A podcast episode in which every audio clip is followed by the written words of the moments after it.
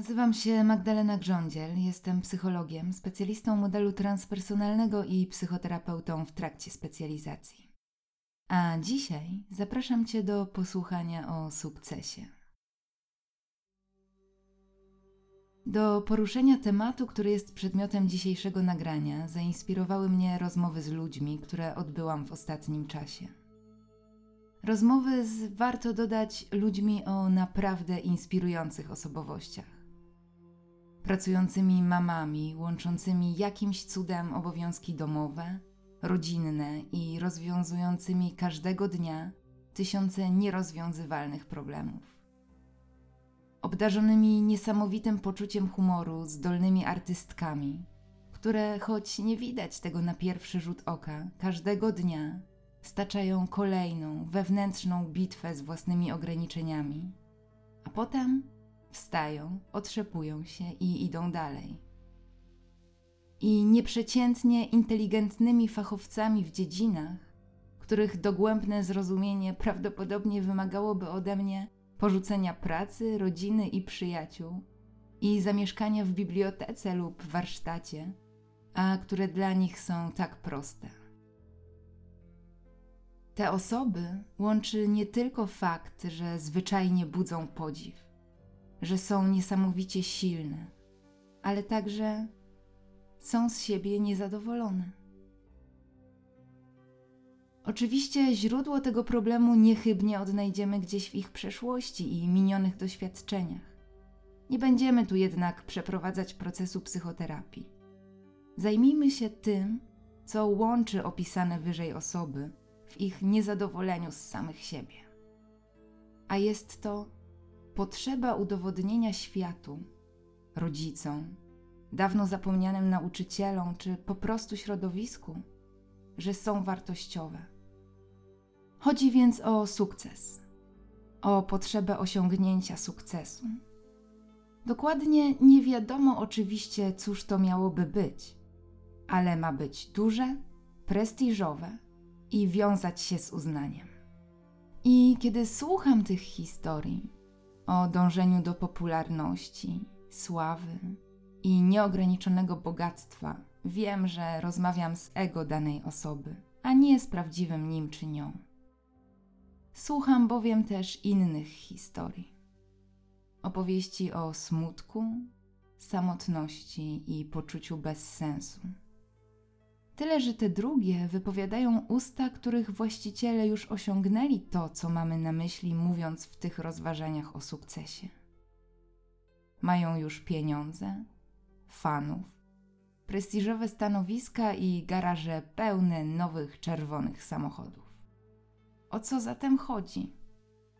Znamy przecież gospodynie domowe czy inne ciężko pracujące osoby, które wykonują swoje prace w miejscach, których nikt nie widzi, gdzie nikt nie bije braw, nikt nie podziwia, a które są zwyczajnie zadowolone, uśmiechnięte i spełnione. Gdzie więc szukać różnic między pierwszą i drugą opisaną grupą? Przede wszystkim w wartościach. Żeby lepiej to zrozumieć, przenieśmy się na chwilę do branży muzycznej dokładnie do roku 1983, kiedy to swój pierwszy album zaczynał nagrywać zespół Metallica. Chwilę po tym, jak podpisany został ich kontrakt płytowy, z decyzji kolegów zespół uszczuplił się o jednego, bardzo zdolnego zresztą gitarzystę. Dave Mustaine był mocno zaskoczony, gdy dowiedział się, że został zwyczajnie wykluczony z przedsięwzięcia. I co zapewne cię nie zdziwi, mocno się wkurzył. Korzystając z energii, jaka może wiązać się ze złością, postanowił nie poddać się tak łatwo i założyć własny, nowy zespół. I pewnie nazwa Megadeth też obiła ci się przynajmniej o uszy, niezależnie od tego, jakiego rodzaju muzyki fanem jesteś. Nasz bohater nie tylko nie poddał się, ale wykorzystał tę trudną sytuację. Jego zespół zrobił bowiem światową karierę. Sprzedał ponad 25 milionów płyt i koncertował na całym świecie. Sukces? Otóż nie dla Dave'a. W porównaniu do Metaliki, Zespół Mustaina to tylko płotka. No bo czym jest 25 milionów przy 180 milionach, prawda? Trudno zaprzeczyć, że Dave Mustaine obiektywnie odniósł sukces. Mimo przeciwności, a jednak w wywiadzie z nim z 2003 roku czytamy, że nadal nie jest z siebie zadowolony. Krytycznie ocenia własną osobę i wciąż widzi siebie nie jako tego, który poradził sobie w trudnej sytuacji, nie tylko ją przetrwał, ale także podejmując ryzyko zgromadził rzesze fanów, sprzedał miliony płyt i miał okazję zwiedzić kawał świata, ale jako gościa, którego wyrzucili z metaliki. Dla Dave'a Mustaina największą wartością i jedynym wyznacznikiem sukcesu stało się bycie lepszym od zespołu, z którego został wyrzucony. I mimo, że wielu z nas z przyjemnością zamieniłoby się z nim na życie, on wciąż pozostawał nieszczęśliwy, oceniając siebie nie według tego, kim naprawdę jest, co osiągnął, z czym się zmierzył, ale według kryterium bycia lepszym niż ktoś inny. I to, w przeciwieństwie do wielu innych rzeczy, niestety mu się nie udało.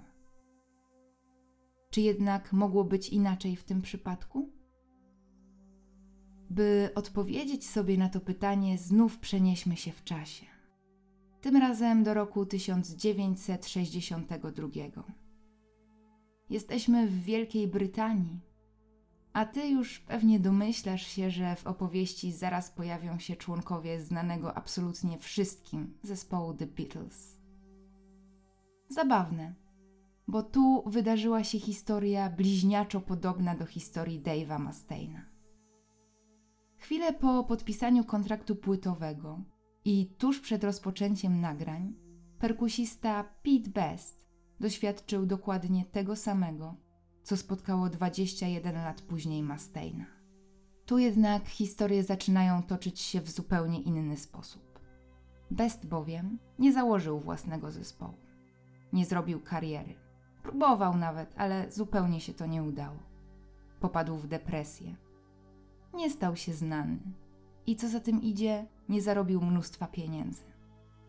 Trudno się dziwić, że myślał o samobójstwie, biorąc pod uwagę, że The Beatles to przecież jeden z najbardziej znanych zespołów na świecie. Taka myśl niechybnie pojawi się w naszych umysłach, jeśli jeśli skorzystamy z tej samej miary, z której korzystał Mustaine. I założymy, że Best nieustannie porównywał się do swoich dawnych kolegów. Ten jednak skorzystał z innej miary, innych wartości i kryteriów. W wywiadzie z 1994 roku czytamy, że Pete Best uważa się za człowieka szczęśliwego i spełnionego. Wyjaśniając dalej, że gdyby nie porażka z Beatlesami, nigdy nie poznałby swojej żony. Nie byłby ojcem tych cudownych dzieci, z którymi ma czas i możliwość spędzać czas. Owszem, wygląda na to, że Best miał świadomość, że umknęła mu kariera, bogactwo prestiż i podziw społeczeństwa. Jednak zachowywał przy tym świadomość tego, co zyskał. Zawsze bowiem dostając coś, musimy ponieść tego cenę. Mamy więc dwie prawie identyczne historie, dwa różne spojrzenia na tę sytuację i dwóch mężczyzn, z których jeden jest szczęśliwy, a drugi uważa się za nieudacznika. Różnią ich tylko wartości i kryteria, które dla nich warunkują sukces.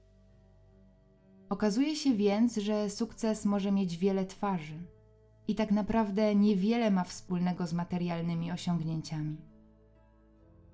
Sukces to poczucie zadowolenia, spełnienia i radości, które może być niezależne od tego, czy jesteś założycielem bardzo znanego zespołu, czy wykonujesz pracę, na którą nikt nie patrzy z zachwytem i po której zakończeniu tłumy nie oczekują autografów?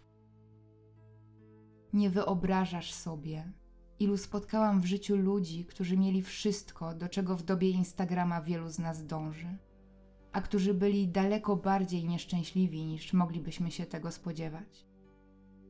I myślę, że nie trzeba daleko szukać Wystarczy prześledzić uważnie historię wielu znanych celebrytów, którzy pojawiają się w naszej wyobraźni jako synonimy sukcesu. Oczywiście możemy także wymieniać przykłady znanych postaci, które ewidentnie są zadowolone z siebie i swojego życia. Uważają się za spełnione. Zwróć jednak uwagę, gdy będziesz tych przykładów poszukiwał, że wielu z nich nie ogranicza swojego życia do tego, co związane ze sławą i prestiżem, ale wielokrotnie podejmują działania pomocowe czy wolontaryjne. Zakładają fundacje i rzadko mówią o tym, że to właśnie bycie sławnym i bogatym jest gwarantem zadowolenia z życia. Raczej swoje pozycje i posiadane dobra traktują jako narzędzie, nie jako cel. Na tych przykładach widzimy więc jasno, że prawdziwy sukces, nie pozorny, ale prawdziwy, nie zależy od tego, co dzieje się na zewnątrz, ale od tego, co z tym zrobimy w naszych własnych wnętrzach. Jeśli więc biegniesz teraz po sukces, odsuwając poczucie zadowolenia z życia i wciąż krytykując się, że już dawno powinieneś być znany, a w garażu wciąż nie ma nowego Ferrari, co oznacza Twoje nieudacznictwo, zatrzymaj się proszę na chwilę i odpowiedz sobie szczerze na kilka pytań. Co tak naprawdę jest dla Ciebie ważne? Jakie są Twoje prawdziwe wartości?